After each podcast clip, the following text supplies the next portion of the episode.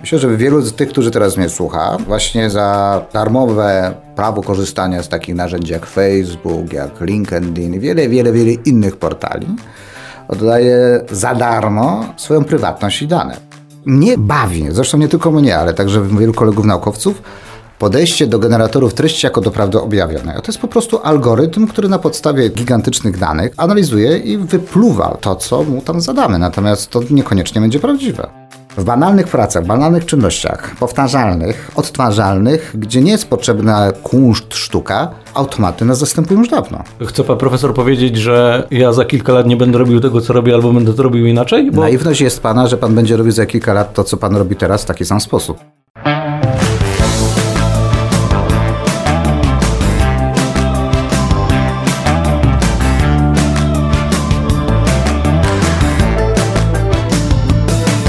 O reklamie w internecie. Dla kogo? Za ile? I po co? Opowiada Piotr Polok. Pyta Natalia Siuta. Z tej strony Natalia Siuta i Piotrek Polok, a z nami doktor habilitowany profesor Uniwersytetu Śląskiego Dariusz Szostek, radca prawny, który specjalizuje się w prawie nowych technologii, dyrektor Cyber Science. Dzień dobry. Dzień dobry, witam serdecznie Państwa. Dzień dobry, cześć. Panie profesorze, zachęca pan albo zamierza pan zachęcać studentów do tego, żeby na przykład z czatu GPT, który ostatnio bardzo popularny jest w ostatnich miesiącach, korzystać, czy może wręcz przeciwnie? Ja zadam pytanie, który student nie korzysta z czatu GPT? Byłby nienormalny, gdyby nie korzystał. Ja na przykład ostatnio dopiero przygotowując się do jednego z odcinków o czacie GPT, zaczęłam się tym interesować, chociaż fakt studia już mam za sobą. No myślę, że dlatego. Każdy student korzysta i powinien korzystać. Przecież to jest tak jak internet, przepraszam. Czy nie korzystają studenci z internetu? No owszem, są tacy, którzy może nie chcą skorzystać, natomiast dlaczego nie korzystać? Dlaczego nie szukać informacji? To w takim razie jak z tego korzystać, żeby korzystać dobrze? Przede wszystkim zgodnie z prawem. Cyber Science, czyli jednostka wspólna Uniwersytetu Śląskiego, Politechniki Śląskiej, Uniwersytetu Ekonomicznego i NASK-u, oraz e, Akademia Koźmickiego w Warszawie to są dwie jednostki, które w Polsce w ogóle przygotowały rekomendacje w zakresu korzystania z czatu GPT dla uczelni wyższych. Po pierwsze, nie można zabronić korzystania z czegoś, co jest legalne. Chat GPT, ale może nie rozmawiajmy o czacie GPT, może rozmawiajmy szerzej o w ogóle generatorach treści. Wszyscy się zafiksowaliśmy marketingowo na czacie GPT, natomiast tych generatorów jest mnóstwo. Przecież ostatnio Google skazał, Microsoft skazał, do tego generatory są kodów źródłowych, generatory są tworzone obrazów, filmów, różnych rzeczy i tego będzie powstało po prostu mnóstwo, także szerzej generatory treści nawet powinny być używane przez mm, studentów i młodzież na zasadzie kształcenia. Natomiast jeżeli ktoś z młodzieży będzie tekst, obraz, dźwięk, cokolwiek przedstawia jako własny, czego nie jest autorem, no to narusza prawa autorskie. Przecież w dniu dzisiejszym mamy prawo do cytowania, mamy prawo do wykorzystywania treści, które są na stronach internetowych z podawaniem źródła, no to dlaczego nie mamy tego zrobić z czatu GPT? I teraz wróćmy trochę historycznie. 15-20 lat temu, czyli wtedy, kiedy państwa jeszcze nie było, albo byliście bardzo młodzi, a, czyli poziom jeszcze przedszkole plus, to wtedy była dyskusja wśród naukowców, czy w ogóle wolno korzystać z internetu i cytować treści w internecie? Ja pamiętam, jak większość mówiła nie. No bo potem tego nie znajdziemy czegokolwiek. No dzisiaj kompletnie nikogo nie dziwi, że cytujemy źródła internetowe, tylko podajemy ten element pobrano z dnia i tak dalej, i tak dalej. Wtedy była dyskusja, że nie było wiadomo, jak to cytować, gdzie to potem odnaleźć. Ja cytowałem, wielu naukowców cytowało z zachodu. Wobec tego problem, który dzisiaj istnieje z czatem GPT, to to, że rzeczywiście potem może być kłopot z odnalezieniem tego źródła, ale jeżeli ktokolwiek z moich studentów napisze, że ta treść została wygenerowana przez chat GPT, zacytuję, ja nie mam kłopotu. Mało tego, w ramach rekomendacji wskazujemy, że uczelnie wyższe, ale każdy tak, ma obowiązek weryfikowania treści, to znaczy źródła, Przecież tam są kłamstwa, to jak w internecie są kłamstwa. Przecież to jak najbardziej ChatGPT korzysta z treści, które są internetowe i tam także nie zawsze jest prawda. Więc co innego, kiedy zweryfikujemy źródła, weryfikujemy stronę, weryfikujemy różne rzeczy, my jasno wskazujemy, że zarówno student, ale nie tylko student, także i naukowiec, jeżeli korzysta z tego typu narzędzia, nie zwalnia go to z obowiązku zweryfikowania treści i ponosi pełną odpowiedzialność za treść, która tam się pojawia, także głupoty, które ewentualnie ten czat wytworzy, bo ja sam bawiłem się tym, wiele głupot mi tam wyszło. Kolejna rzecz, powinniśmy wskazywać właśnie, że jest to autorstwo narzędzia generatora treści, Ale uczelnie i inne podmioty przecież powinny jak najbardziej korzystać z narzędzi, które weryfikują i są detektory stworzone przez generatory treści. Tak jak mamy antyplagiat, no już chyba się nikt nie dziwi, że mamy antyplagiat na uczelni, a 15-20 lat temu nie było, ale generatory, detektory treści już są dzisiaj. Dobrze, panie profesorze, to ja teraz powiem, bo treść jest mi najbliższa, bo na tym zarabiamy pieniądze, jesteśmy copywriterami i tworzymy mm -hmm. treść. Mm -hmm. I teraz moje pytanie jest takie. Jedno, czy to nie będzie tak, że ten chat GPT nie będzie wspomagał, a pracował za nas, to jest jedno. Nie mówię tu pod kątem już finansowym, tylko pod kątem właśnie studentów. A dwa, zdarzyło nam się, że sprawdzaliśmy tekst wygenerowany AI i został uznany jako tekst wygenerowany przez człowieka, a wrzuciliśmy tekst, który sami napisaliśmy i było oznaczone jako AI. No ale to wtedy, jeżeli to jest wasz tekst, wtedy pozywacie w zakresie naruszenia praw autorskich i prawa autorskie, przecież prawo autorskie się nie zmieniło ani w Europie, ani u nas, więc jeżeli jestem, mam prawa autorskie do jakiegokolwiek tekstu, to ten, który to wykorzystuje, tutaj ewentualnie twórca, e, generatora, ponosi normalnie odpowiedzialność. Tak, tylko bardziej zmierzałem do tego, że ten generator nie był na tyle prawidłowo skonstruowany, że... Ale żaden nie będzie, przynajmniej na tym etapie, przecież to jest oczywiste. I to nie jest niebezpieczne? Znaczy, a co jest bezpiecznego? Internet w ogóle jest niebezpieczny, Darknet jest niebezpieczny, mamy tam wszystkie treści. Przecież to są generatory, które operują na treści, które się tam im podda. Przecież to nie jest, znaczy mnie bawi, zresztą nie tylko mnie, ale także wielu kolegów naukowców, podejście do generatorów treści jako do prawdy objawionej. To jest po prostu algorytm, który na podstawie gigantycznych danych, które są prawda, w ramach Big Data, analizuje i wypluwa w cudzysłowie to, co mu tam zadamy. Natomiast to niekoniecznie będzie prawdziwe. Bardzo mnie cieszy, że pan profesor o tym powiedział, bo zdarza się i tutaj posłużę się przykładem jednego z klientów, który kiedy zobaczył, że chat GPT potrafi napisać tekst, zrezygnował z naszych usług na rzecz czatu GPT, ponieważ był tańszy i robił dokładnie to samo.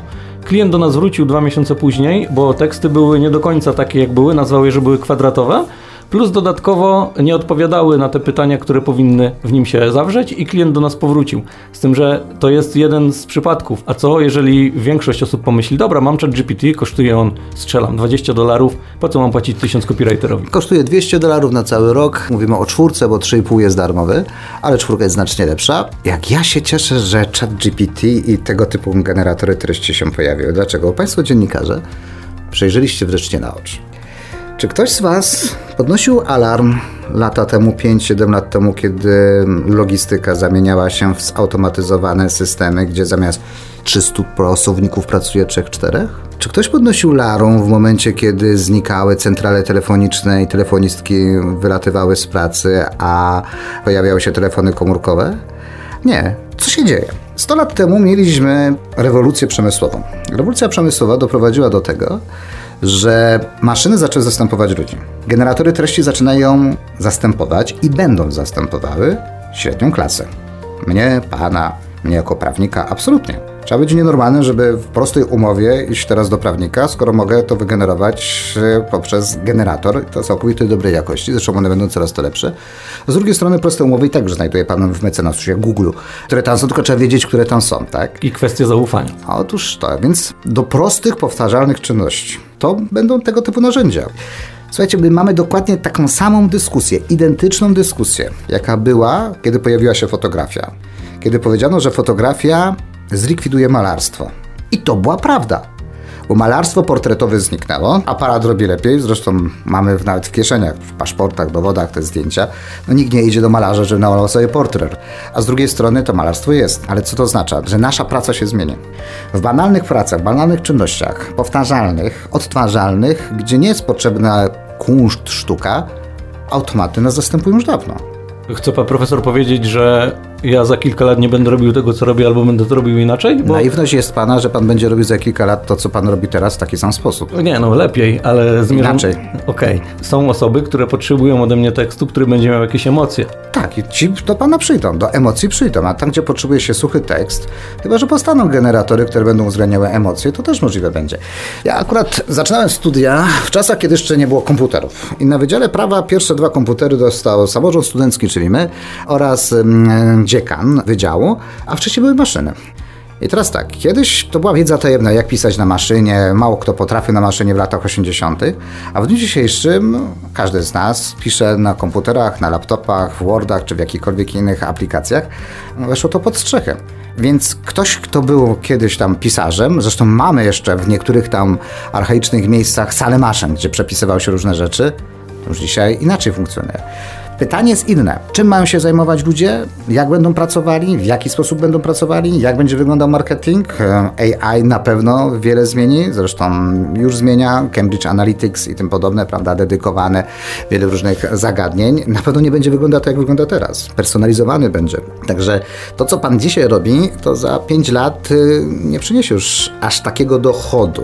Z drugiej strony, proszę popatrzeć, czy mamy szewców, czy mamy krawców? Jeszcze tak to są już wyjątkowe zawody, bo znacznie prościej jest nam pójść i kupić gotową rzecz. A czy płakaliśmy wszyscy, jak były likwidowane te zakłady? Co niektórzy tak. Tylko, że teraz dotyczyć to będzie nas klasy średniej, nie tylko pana z marketingu i panią, ale także tłumaczy, no przepraszam, czy ktoś jeszcze normalny chodzi do tłumacza na proste tłumaczenie, kiedy ma generatory treści, które mu w sposób tak samo dobry sprawdzają, nadweryfikują, tłumaczą treści? Bardziej pewnie, żeby profesjonalnie coś przetłumaczyć. Tylko wyłącznie tak? wtedy, kiedy potrzebujemy, kiedy potrzebujemy pieczątki i wtedy, kiedy potrzebujemy zaufania. Do Tak. pracy każdy tylko wyłącznie tłumaczy. No dobrze, panie profesorze, czyli dzisiaj osoby, które generują treść, mam na myśli tutaj piszą teksty, za kilka lat będą generować ją w AI albo już to robią i będą ją tylko redagować i to będzie miało taką samą wartość jak teraz, a może i lepszą? Nie wiem, nie mam zielonego pojęcia. Ja pamiętam, że w latach 80. kreskówkę rysowało się w Bielsku Białej ręcznie, tak powstały Reksio i Bolek i Lolek, a dzisiaj obaj jesteśmy w stanie fajną 10-minutową kreskówkę w jeden wieczór stworzyć w komputerze. Obawiam się, że to może być w pewnym stopniu za mało pod kątem zaufania, to o czym powiedzieliśmy. Czym I- innym jest zaufaniem, a czym innym są możliwości techniczne i co będą robili ludzie. Tak, ale też wspomniał pan profesor o tym tłumaczu. Ja akurat ostatnio tłumaczyłem i korzystałem z takich usług, bo jednak myślę o tym, że to konkretna osoba mi zrobi i skupi się na tym, co ma zrobić. Nie wiem, może, może być tak, że zrobiła to w AI i ja za to zapłaciłem, bo nie wątpię. Ale ponosi odpowiedzialność, Ale kupuje pan ponosi- odpowiedzialność, w razie tak. czego i takie, takie czynności, tam gdzie będzie wymagane zaufanie, gdzie jest potrzebna właśnie ta przysłowiowa pieczątka, tam gdzie musimy mieć autoryzację, przynajmniej przez jakiś czas będzie człowiek. Jeżeli chodzi o chat GPT, no możemy tam zadać pytanie konkretne, Mhm. ale możemy też wrzucić daną treść. I akurat chętnie poznamy Pana zdanie na ten temat, bo ostatnio usłyszałam wypowiedź y, Pana, który pracuje w urzędzie i mówi mi, ja dostałem tyle różnych danych, miałem z tego wyciągnąć y, najważniejsze, zrobić takie streszczenie, jak mnie ten chat GPT pomógł. Szczerze, ja bym się bała te dane tam Tak, wrzucić. ma rację, przepraszam. Zacznijmy od tego od strony prawnej. Nie wolno tam wrzucać nam danych osobowych, bo mamy RODO, a tam w ramach licencji, na którą się wszyscy zgadzamy, w, akceptując regulamin ChatGPT, no to te dane są weryfikowane w, na serwerach e, pozaeuropejskich, a to już w ramach RODO jest niedopuszczalne. Więc ja jako prawnik po prostu widzę tutaj już pewnego rodzaju mankament, ale to jest tylko przepisy prawa. Więc jeżeli wytniemy dane osobowe, przyjmijmy, że tam są całe inne, to większość normalnych ludzi przecież tak korzysta. I zamiast pracy powiedzmy 6 godzin mam to w 15 minut, natomiast jestem pewny, że ten człowiek nie puścił tego w ciemno, tylko wziął, przeanalizował, sprawdził, zweryfikował. Przepraszam, po co ja mam kopać rów łopatą, skoro mogę zamówić koparkę, a sprawdzić, czy dobrze został wykopany ten rów? Więc ja w ten sposób na to patrzę. Ale dalej są potrzebni ludzie. Ale cały czas będą potrzebni ludzie. Na razie nie mamy przecież jeszcze sztucznej inteligencji równej człowiekowi. My tutaj mamy tę ciekawostkę, tak, że mamy na olbrzymich ilości danych. ChatGPT, który nas zaskakuje, że tak potrafi sztuczna inteligencja. Natomiast my w Cyber Science się dziwimy, że wy się dziwicie, bo takie algorytmy już funkcjonują od co najmniej dwóch lat. Ludzie dalej są potrzebni, będą potrzebni ludzie. A z drugiej strony, popatrzmy, no, idziemy w kierunku automatyzmu, wkrótce pojawią się pojazdy autonomiczne, kierowcy nie do końca będą potrzebni, a ja na przykład się cieszę, że wkrótce będą pojazdy autonomiczne, bo będzie można pójść napić się herbaty i wrócić do domu po wypiciu na przykład dwóch, trzech herbat. A teraz człowiek musi bardzo uważać z tymi herbatami. To ja wrócę do tego, co pan profesor powiedział, bo to mnie zainteresowało. Jeżeli ta sztuczna inteligencja była już dostępna dwa lata temu, na przykład, albo i wcześniej, to kto miał do niej dostęp? Czy to były osoby, które się na tym znały, czy to były osoby, które miały mieć do tego dostęp? Ja może wrócę do trochę historii. Lata 40., 50., 60., nawet 70. była cały czas informatyka. Była. Tylko ona była dostępna do, jak ja to nazywam, kapłanów informatyki. Zresztą jak zobaczycie sobie filmy i zdjęcia, to jak wyglądał informatyk.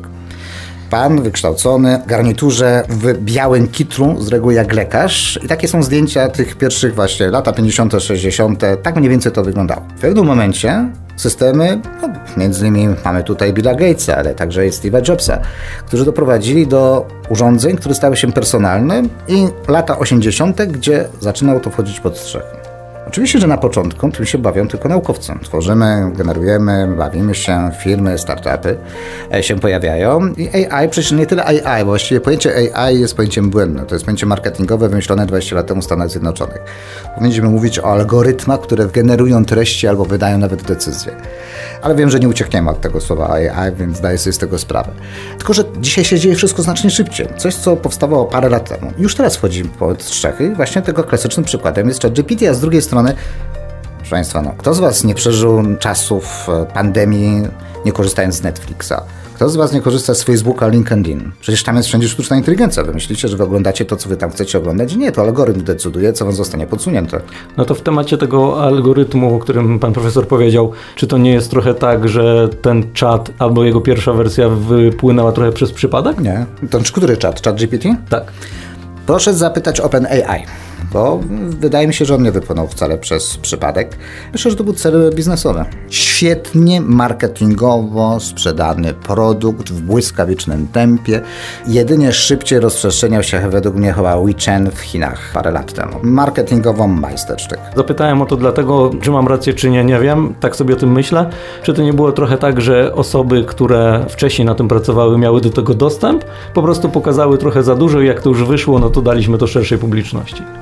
Nie wiem, ale nie przypuszczam, bo według mnie jest to świetna procedura kampanią szeptaną, gdzie z produktu kompletnie nieznanego setki milionów ludzi po pierwsze zapoznały się z wersją demo, genialną wersją demo, natomiast kto wykupił sobie opcję już tą 4.0, to wie, że wersja demo jest tylko wersją demo.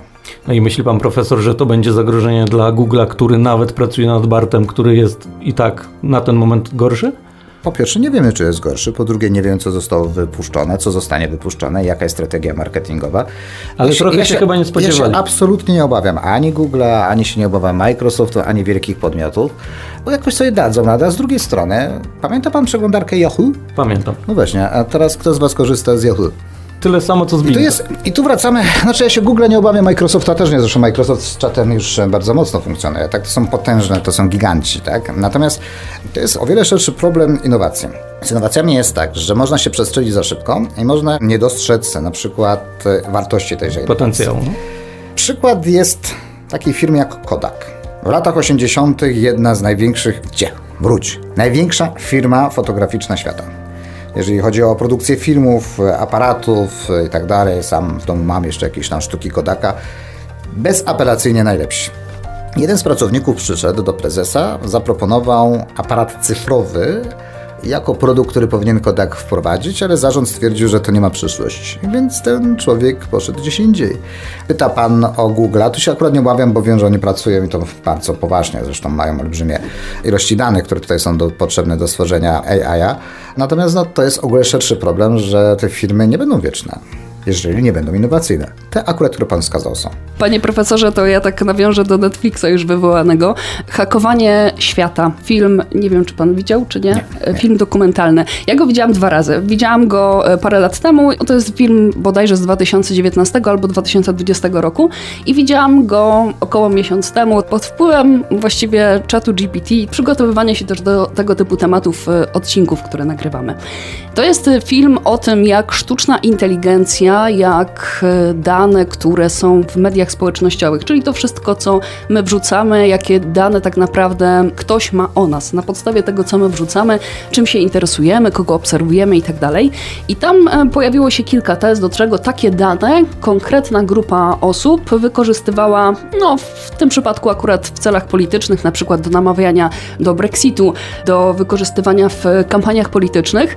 I wtedy, jak zobaczyłam to pierwszy raz, parę lat temu, dajmy na to ten 2019-2020 rok, na pewno nie później, to pomyślałam sobie, okej, okay, no to jest pewna grupa ludzi, która ma do tego dostęp. Pewnie nie jedno takie narzędzie jest wykorzystywane, czy w celach politycznych, czy w innych. Po prostu mają do tego dostęp. A teraz jak oglądałam to drugi raz, miesiąc temu, to tak sobie pomyślałam, hmm, a teraz już mówimy o tego typu narzędziach, które właśnie trafiły pod strzechy, jak pan powiedział, trafiły do e, zwykłego Kowalskiego. Czy to może być takie potężne narzędzie propagandowe i zamienić się w pewne niebezpieczeństwo, czy nie widzi pan tego? Oczywiście, że nie może, bo jest. Więc nie mówimy o przyszłości, tylko mówimy o teraźniejszości. Spróbuję zrobić pewną paralelę. Myślę, że jak rozmawiamy i czytamy, prawda, o Hiszpanach czy Portugalczykach, którzy lądowali w Ameryce, gdzie Indianie za paciorki oddawali złoto, to zastanawiamy się, co to za ludzie kompletnie nierozsądni, którzy złoto zamieniali na paciorki. Myślę, że wielu z tych, którzy teraz mnie słucha, właśnie za darmowe prawo korzystania z takich narzędzi jak Facebook, jak LinkedIn wiele, wiele, wiele innych portali, oddaje za darmo swoją prywatność i dane. Tu naukowcy, między innymi z Cambridge, e, ale także i z MIT-u, wykazali, że na podstawie danych, które nawet kliknięć, mało tego, przecież nawet się analizuje, jak długo kto jaki post przegląda, czy nawet nie musicie nic klikać, a już wiadomo, że coś mnie zainteresowało. Nie tylko można określić preferencje polityczne, ale także i seksualne, wyznaniowe, religijne, poglądy jakie są. I to jest narzędzie, które jest przerażające. Dlatego w Unii Europejskiej jest przygotowywany jest właściwie gotowy. Gigantyczny pakiet, jak ja to nazywam, tsunami legislacyjnego w zakresie regulacji europejskiej, tylko że znowu mówimy lokalnie o Unii Europejskiej. Tak samo jak RODO jest tylko w Unii Europejskiej, w Filipinach czy Tajlandii RODO nie ma i można z tym robić z danymi co się chce. Więc w Unii Europejskiej akurat prywatność i prawa człowieka mają być w centrum i są w centrum, czyli na przykład między innymi AI Act, który jest teraz procedowany, w tym roku zostanie przyjęty, wskazują, że na przykład nie będzie można robić czegoś takiego, że będzie kamera i bezpośrednio będzie można zweryfikować tożsamość osoby idącej po chodniku. W Chinach już to zrobiono. Jeżeli w Chinach sobie popatrzymy, co tam jest stworzone, tam jest Credit Social People, taki system. Jest to system totalnej inwigilacji Chińczyków. Kamery aktywne, gdzie pani pójdzie po ulicy, wiadomo, że to pani idzie. Dostaje się punkty. Punkty za prawidłowe zachowanie się według partii i nieprawidłowe. Za dobre wyrzucenie śmieci, za przejście na pasach. Na czerwonym to minusowe punkty, na zielonym, to dodatnie punkty. Jest przerażające to, że wprowadzono tam limity punktów, czyli na przykład jeżeli um, mam za mało punktów, nie mogę mieszkać w centrum miasta. Jeżeli na przykład mam minusowe punkty, to na przykład nie wejdę do pociągu. To są Chiny. Mało tego, każdy, kto z państwa mnie słuchających wylądował w Chinach, został tam zdigitalizowany. Idąc do odprawy paszportowej jest się analizowany łącznie ze sposobem chodzenia, a potem te dane są przyporządkowywane do paszportu. Jednym słowem mamy cię. Kiedy na jednym z kongresów ONZ-u e, rozmawiałem z delegatem z Tajwanu, opowiadał, że nie tylko się przebierają, nie tylko wizualnie, ale także uczą się inaczej chodzić. Klub śmiesznych kroków może tutaj mieć porównanie, ale po to, żeby drony nie wyłapały tożsamości osób, które tam się poruszają. Także nie mówimy o żadnej przyszłości, mówimy o teraźniejszości. Więc jeżeli te narzędzia pojawią się w złych rękach, a złe ręce są zawsze chętne do wszystkiego dodanych, mogą być źle wykorzystane. Zresztą poważnie się mówi, są analizy, że właśnie Brexit został w ten sposób wykorzystany. Wybory Trumpa także wiele wskazuje na to, że wybory w Polsce. Więc z punktu widzenia politycznego możemy zabezpieczyć to legislacyjnie pod warunkiem, że państwo jest demokratyczne. Gdzie państwo jest demokratyczne, zapomnijmy w Rosji w, w, w, czy w Białorusi, tam po prostu autorytaryzm będzie się nam pojawiał. To są akurat narzędzia, które nas przerażają, ale z drugiej strony, przepraszam, no, jesteśmy cały czas, w cudzysłowie oczywiście, wrabiani marketingowo. Ale zawsze tak było. Przecież wchodząc do marketu, to mamy odpowiednią muzyczkę, odpowiednie światełko, na odpowiedniej wysokości odpowiednie produkty, chleba nie ma przy drzwiach, tylko trzeba przejść przez całość i tak dalej, i tak dalej. Nawet przecież szybkość muzyki jest uzależniona od ilości osób. Okien też brakuje przy okazji, jak wejdziemy. Dokładnie tak. Okej, okay, panie profesorze, ale to zastanawiam się teraz nad tym, co zrobili Włosi, którzy mówiąc kolokwialnie dali bana na chat GPT we Włoszech. Na krótko i to jest weryfikacja i tylko wyłącznie pod kątem danych osobowych. Okej, okay, i Poza oni tym... sobie zrobili krzywdę, czy chcieli pokazać, że są niezależni, czy jaki w ogóle, jak można to traktować? Nie wiedzieli, nie wiedzieli, nie potrafili sobie z tym poradzić, co jest. Wobec tego zadano pytanie i zawieszono. Przepraszam, bez problemu we Włoszech można z innej domeny z tego z czatu skorzystać. Kto uważa, że jest w stanie zawrócić rzeką kijem, niech dalej tak uważa. To dlaczego inne kraje nie poszły za decyzją Włochów? Ponieważ nie jest możliwe wyłączenie internetu w demokratycznym państwie. W Chinach, w Rosji, w Białorusi. Tak, zresztą nie mamy jednolitego internetu, tak przy okazji. Tylko my mamy jako państwa wolne, jednolity internet. W Chinach jest całkowicie inny. Czy to będzie tak, że będą ludzie, którzy będą chcieli spowolnić rozwój albo w ogóle zablokować rozwój czatu GPT? Powiem więcej. W Polsce mi brakuje, bardzo mi brakuje NGO-sów, ale także organizacji, które będą negowały technikę. Ja akurat jestem mocno techniczny, zresztą cyber science jest mocno techniczne, natomiast ja uwielbiam dyskusję w Europie Zachodniej ludzi, którzy wskazują właśnie na te błędy, na te niebezpieczeństwa, na tym podobnym. Na Uniwersytecie Śląskim właściwie nie spotkałem się jeszcze z organizacją, która by była antytechnologiczna. I tu nie chodzi o to, żeby być totalnie antytechnologiczny, tylko żeby wreszcie zacząć dyskutować tak, o prawie człowieka, o wolności, o swobodzie, o danych, tak, e, żeby wskazywać na te niebezpieczeństwa, na te błędy. I oczywiście nie zatrzymamy tego, ale jesteśmy w Europie w stanie na przykład e, wprowadzać legislację medialnie negować, tak? Proszę popatrzeć, no. Polski rząd wprowadził Pegasusa w sposób nielegalny, totalny, co zatrzymało? Nie zatrzymało prawo, bo prawo przecież dawno istniało, ale zostało naruszone. Zatrzymało to informacja, dziennikarze, media, społeczeństwo, co doprowadziło do tego, że Izrael no, już nie wyraził zgody na korzystanie z Pegasusa przez polski rząd. Więc jeżeli w ten sposób się będzie działało, tak, ja wiem o co pan pyta, o mm, list tych dwóch tysięcy osób Elona Muska, ale nie tylko.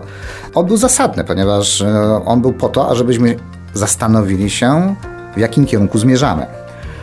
Natomiast z punktu widzenia Elona Muska, dwa fakty.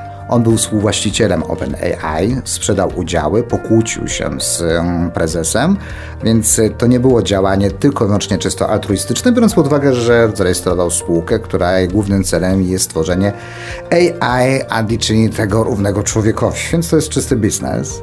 Natomiast e, kwestia weryfikacji, kontroli i dyskusji na ten temat jest jak najbardziej zasadna i konieczna. Harari też podpisał ten apel, ale po to, ażeby politycy zaczęli poważnie się nad tym zastanawiać, także i europejscy. Ale to wywołało odpowiedni skutek, bo my w ramach w pracach w Brukseli zaczęliśmy w ramach AI także myśleć o tego typu generatorach treści, że no należałoby je także audytować, albo że należałoby wykazywać, w jaki sposób są uczone itd. Tak itd. Tak Czy to nie jest trochę tak, że jeżeli ten AI będzie się rozwijał, to społeczeństwo będzie się cofać? Bo mam takie poczucie, że to będzie... Czy telewizja ogłupiła społeczeństwo? No. Zależy, jaki program się ogląda. Właśnie. E, więc co do zasady nie. Jeżeli porównamy sobie społeczeństwo teraz i 100 lat temu, to wtedy był duży analfabetyzm, brak wiedzy i tak dalej. To, że ktoś ogląda programy proste, a nawet bym powiedział prostackie, to wcale nie wpłynie na to, że on będzie, jak to pan powiedział, głupszy. To może powinienem użyć słowa rozleniwia. A pytanie, czym... O, inaczej. Czy uważa Pan za słuszne wprowadzenie przepisów po rewolucjach na początku XX wieku, gdzie wprowadzono czas pracy, 40-godzinne urlopy i tym podobne, bo przecież jeszcze 100 lat temu kompletnie tego nie było. I wtedy, kiedy maszyny zaczęły zastępować ludzi, ci ludzie wyszli na ulicę. Stąd mieliśmy i 1 maja, prawda, w Stanach Zjednoczonych, potem mieliśmy 1906, pierwsza wojna światowa, wielki kryzys, to wynikało jak najbardziej z tego. Wobec tego ludzie przestali harować po 70 godzin, tak jak harowali, tylko te 40-godzinny tydzień pracy. Pytanie, czy naprawdę mamy pracować i musimy pracować 40 godzin pracy, a nie powinniśmy na przykład krócej? Czy praca ma być wypełniaczem takim kompletnym? I to jest właśnie clue. Bo my, proszę popatrzeć, my funkcjonujemy i żyjemy w dniu dzisiejszym według schematu i według zasad wypracowanych w latach 50. i 60., zarówno w zakresie opodatkowania, społecznych, wszystkich składek e, od człowieka i tym podobne. W dniu dzisiejszym automaty, roboty zastępują człowieka, ale nie płacimy ani od nich podatku, ani na jakiekolwiek cele społeczne. Mało tego są kosztem, bo są w leasingu. Wobec tego podatek ogólny firmy jest zminimalizowany. Dlaczego? To są jeszcze koncepcje z lat 60. Więc y, wyobraźmy sobie, że na przykład mamy tiry autonomiczne, bo to dosyć szybko się pojawia. Zresztą w Australii już jeżdżą takie. No i teraz to, ci kierowcy znikną, nie będzie w ogóle płatności tych na wszystkie ZUSy i socjalne rzeczy. Więc tu jest rola polityków i tu jest rola właśnie takich NGO-sów, którzy wskazują na problemy związane z technologią, na nowy sposób ukształtowania danin i redystrybucji dóbr z powrotem do człowieka. Ja, proszę Państwa, ja nie mam nic przeciwko temu, ażeby moi pracownicy pracowali 3 dni, jeżeli wypracują i zrobią wszystko. Zresztą widzimy tak, że generator treści z 10 godzin mi skraca do pół godziny. Dlaczego ma ktoś siedzieć w pracy, skoro jest wykonana praca? Ale to znowu zmienia i sposób finansowania, i sposób płatności. Proszę zobaczyć, ja jestem prawnikiem i bardzo często umowy prawnicze są e, tak określone, że za czas pracy się płaci, tak? Powiedzmy x złotych razy ileś godzin. I teraz co? Ja mam okłamać, że na przykład pracowaliśmy 10 godzin, a zrobiliśmy to w 15 minut? Czy chodzi o te 10 godzin pracy, czy chodzi o wiedzę i know-how, które tam po prostu włożyliśmy? I to jest to, o czym powinniśmy mocno dyskutować, właśnie z udziałem podmiotów negujących aktualny stan rzeczy. Więc proszę popatrzeć, że to jest o wiele szerszy problem społeczno-socjalny. Tego powinniśmy wymagać i od naukowców, ale także i od polityków na poziomie europejskim i światowym. Ja się obawiam trochę tego, co pan profesor mówi, że za chwilę roboty będą ważniejsze od ludzi i że nie będzie... A jak pan myśli, jeżeli popatrzymy sobie w duże firmy, w Excelu kto się bardziej liczy? Maszyna za kilka milionów, czy pracownik, który pójdzie na L4, jak będzie miał wypadek? Przepraszam, to brutalne brzmi, tak, brzmi, ale z punktu widzenia firmy i z punktu widzenia Excela nie. Dlatego my w Europie mamy prawa człowieka, mamy wszelkiego rodzaju zabezpieczenia społeczne, ażeby zmusić te podmioty do jednak e, traktowania człowieka poważnie. Ja jestem jednak człowiekocentryczny. Natomiast jeżeli pan popatrzy, co się dzieje w krajach azjatyckich, gdzie człowiek w ogóle się tam nie liczy, łącznie z tym, że jeżeli nie masz pracy, e, jesteś chory, musisz płacić za lekarza i tym podobne, no, i tam te roboty są wprowadzane, no to w tym kierunku zmierzamy. To ja mam jeszcze takie troszeczkę inne pytanie o bezpieczeństwo tego, co też wrzucamy, czy do czatu GPT, czy w ogóle jak mhm. korzystamy ze sztucznej inteligencji, bo w pewnym sensie jesteśmy takim towarem. My zostawiamy mnóstwo cyfrowych śladów po sobie. Mhm. Czy my sami, jako typowy Kowalski. Możemy zadbać o to bezpieczeństwo, jak my z tego korzystamy, żeby to było najlepsze dla nas, najbezpieczniejsze dla nas, czy właśnie konieczne są te regulacje wyżej i bez tego tak naprawdę nic nie zdziałamy? Kilka kwestii Pani poruszyła. Czym innym jest obnażanie się i dawanie danych za darmo, że jak ktoś jest nienormalny, to jest nienormalny. Proponuję, żeby słuchacze zrobili sobie taki test. Wejdźcie sobie Państwo na swojego Facebooka, tam można wygenerować treści, które tam Facebook wskazuje, co tam kliknąłeś, zobaczyłeś, jak sobie to klikniesz, nigdy więcej z Facebooka nie będziesz korzystał. To tak trochę ocuca. Więc przede wszystkim myślmy, co dajemy, tak, i w jakikolwiek sposób. A że wielu ludzi nie myśli, no to niestety oddaje za bezcen dane, które są potem wykorzystywane w big data. Dwa, jeżeli pani mnie pyta o cyberbezpieczeństwo, to jesteśmy w po pierwsze, w permanentnej wojnie cyfrowej, gdzie jesteśmy w środku tejże wojny. Ilość ataków, która jest od 24 lutego w, przede wszystkim w Polsce, ale także i w Europie, jest gigantyczna. Ja sam widzę, że dostaję co najmniej kilka dziwnych SMS-ów, maili i tym podobnych e, w tygodniu. Niestety wiedza powszechna Polaków na temat e, bezpieczeństwa cybernetycznego jest wyjątkowo niska. To jest dramatycznie. Połowa przedsiębiorców w ogóle nie ma zielonego pojęcia o zasadach cyberbezpieczeństwa. Wiele podmiotów korzysta z narzędzi chińskich, których nie należałoby używać. Jeżeli mówimy o dużym biznesie, banki i tym podobne instytucje, to są dosyć dobrze zabezpieczone, ten, czy tam, gdzie jest ten, ten, ten, ten wyższy poziom. Natomiast jeżeli mówimy o, ogólnie o społeczeństwie, to absolutnie nie. To wynika przede wszystkim e, i z jakości kształcenia, ale w Polsce jakość kształcenia jest w tym zakresie albo może nie skomentuję tego. Dwa, nie mamy żadnych nawyków, e, nie jesteśmy tego w ogóle uczeni. Nauczyciele nie mają żadnego pojęcia o, o wielu rzeczach, to uczniowie uczą, a uczniowie niewiele wiedzą. My na przykład razem z NASKiem i z Politechniką Śląską Uniwersytetem Ekonomicznym postanowiliśmy każdego studenta, który przychodzi na studia, obok takich czynności banalnych jak przeszkolenie biblioteczne albo jak przeżyć dziekanat, to mm, zrobiliśmy szkolenie z cyberbezpieczeństwa, z cyberhigieny, ale to trzeba robić na okrągło. My po prostu nie mamy tej wiedzy. To jest cudownie wykorzystywane przez nie tylko przestępców, ale przez i firmy, i przez podmioty i tak dalej. Trzecia poziom, który mamy, to jest poziom legislacji. No ale cóż z tego, że mamy legislację, jak pani kliknie w link, który pani powinna kliknąć, tak? Jeżeli pani dostanie SMS, zresztą tutaj są wykorzystywane także techniki socjotechniczne, tak? Psychologia. Powiem coś niepopularnego. Nie ma osoby, która nie da się zrobić. Każdy, nawet specjalista od cyberbezpieczeństwa da się zrobić, tylko jest kwestia czasu i pieniędzy. Natomiast oczywiście przy banalnych atakach no, możemy się odpowiednio tutaj e, zabezpieczać. Więc no, żyjemy w takiej rzeczywistości, ale zawsze w takiej rzeczywistości żyliśmy. A co pan profesor ma na myśli, mówiąc, że mamy, sparafrazuję trochę i też pewnie to spłycę, niską świadomość o cyberbezpieczeństwie?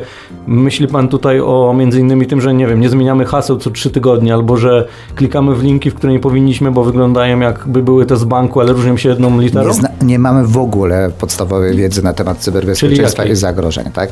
Jakie pan ma zabezpieczenia w swoim telefonie komórkowym? Weryfikacja dwuetapowa na przykład. Dwuetapową pan ma? Tak. tak? We wszystkich? Nie, no nie, w tych, gdzie mogę. Pan wpisuje sobie wszędzie KPAS pasy odpowiednie, zabezpieczenia, hasła długie, krótkie.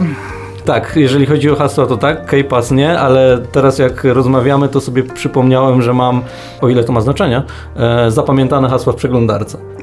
No to widzi pan. Jak szybko pan upgrade'uje system w momencie, kiedy się pojawi nam apka? Nie wiem, czy mogę to powiedzieć i jak wyjdę, ale od razu. Więc jest pan jakoś może zabezpieczony, natomiast znakomita większość tego nie robi. Ludzie nie mają świadomości, już nie mówiąc o tym, że używają telefonów, które są powszechnie przez służby wskazywane, że nie można. Ludzie zastanawiają się, dlaczego zabrania się używania czegoś takiego jak TikTok, bo to jest nieprawidłowe. Dobrze, że no w Chinach w większości programów europejskich nie ma i nie są dopuszczalne, a nawet przeglądarka Wikipedii jest całkowicie inna. Nie ma po prostu tej powszechnej wiedzy. Zwykły człowiek nie ma pojęcia. Naprawdę to, że w naszym kraju można jeszcze kogoś zrobić na wnuczka, na policjanta, to o czym rozmawiamy. Niestety dane są przerażające. Polska Cyfrowa to jest organizacja zrzeszająca mm, największe firmy typu jak Google, jak Amazon, jak Samsung i wiele innych robiła test kompetencyjny wśród młodzieży w, w zeszłym roku, porównując do kolegów z zachodu.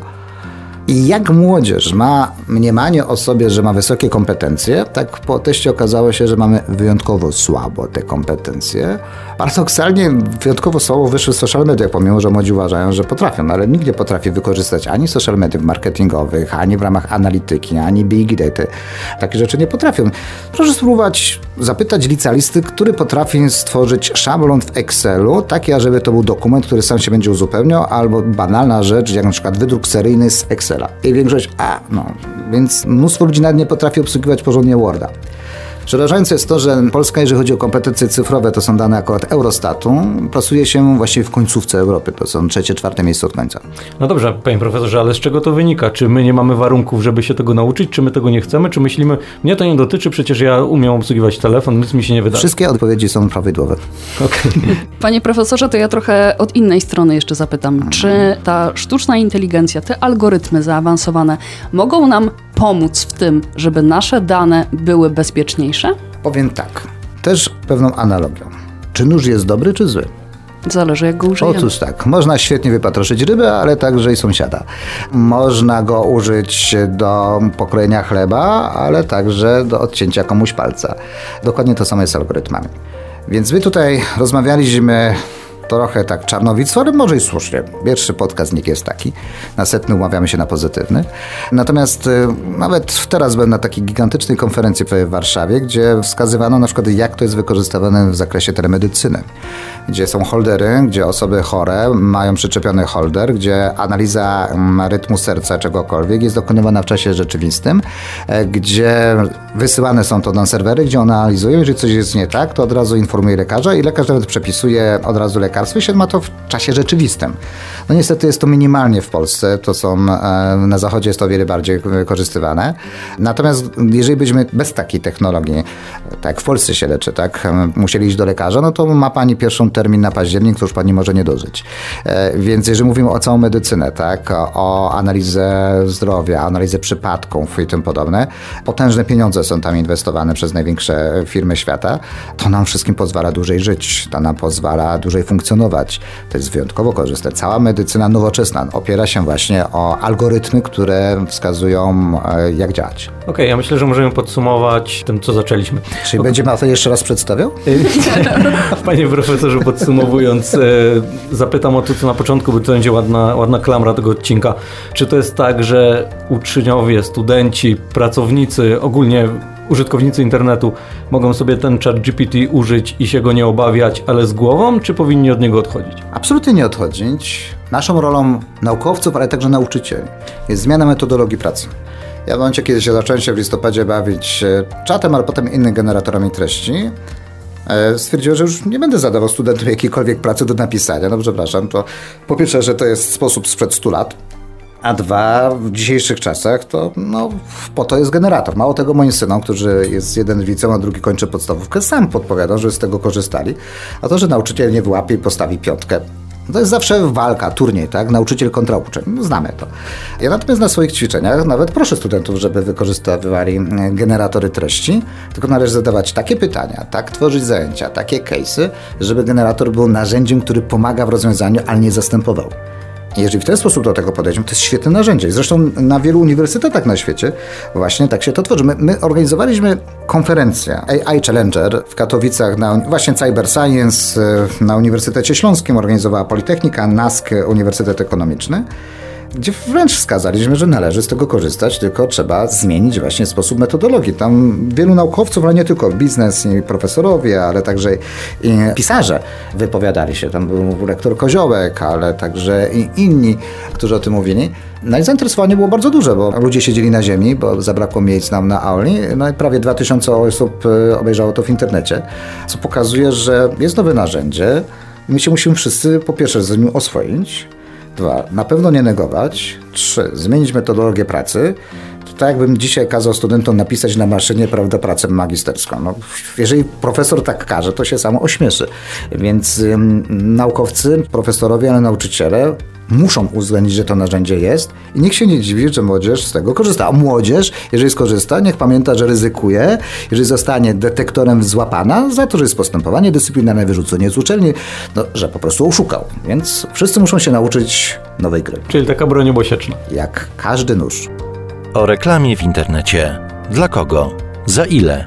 I po co?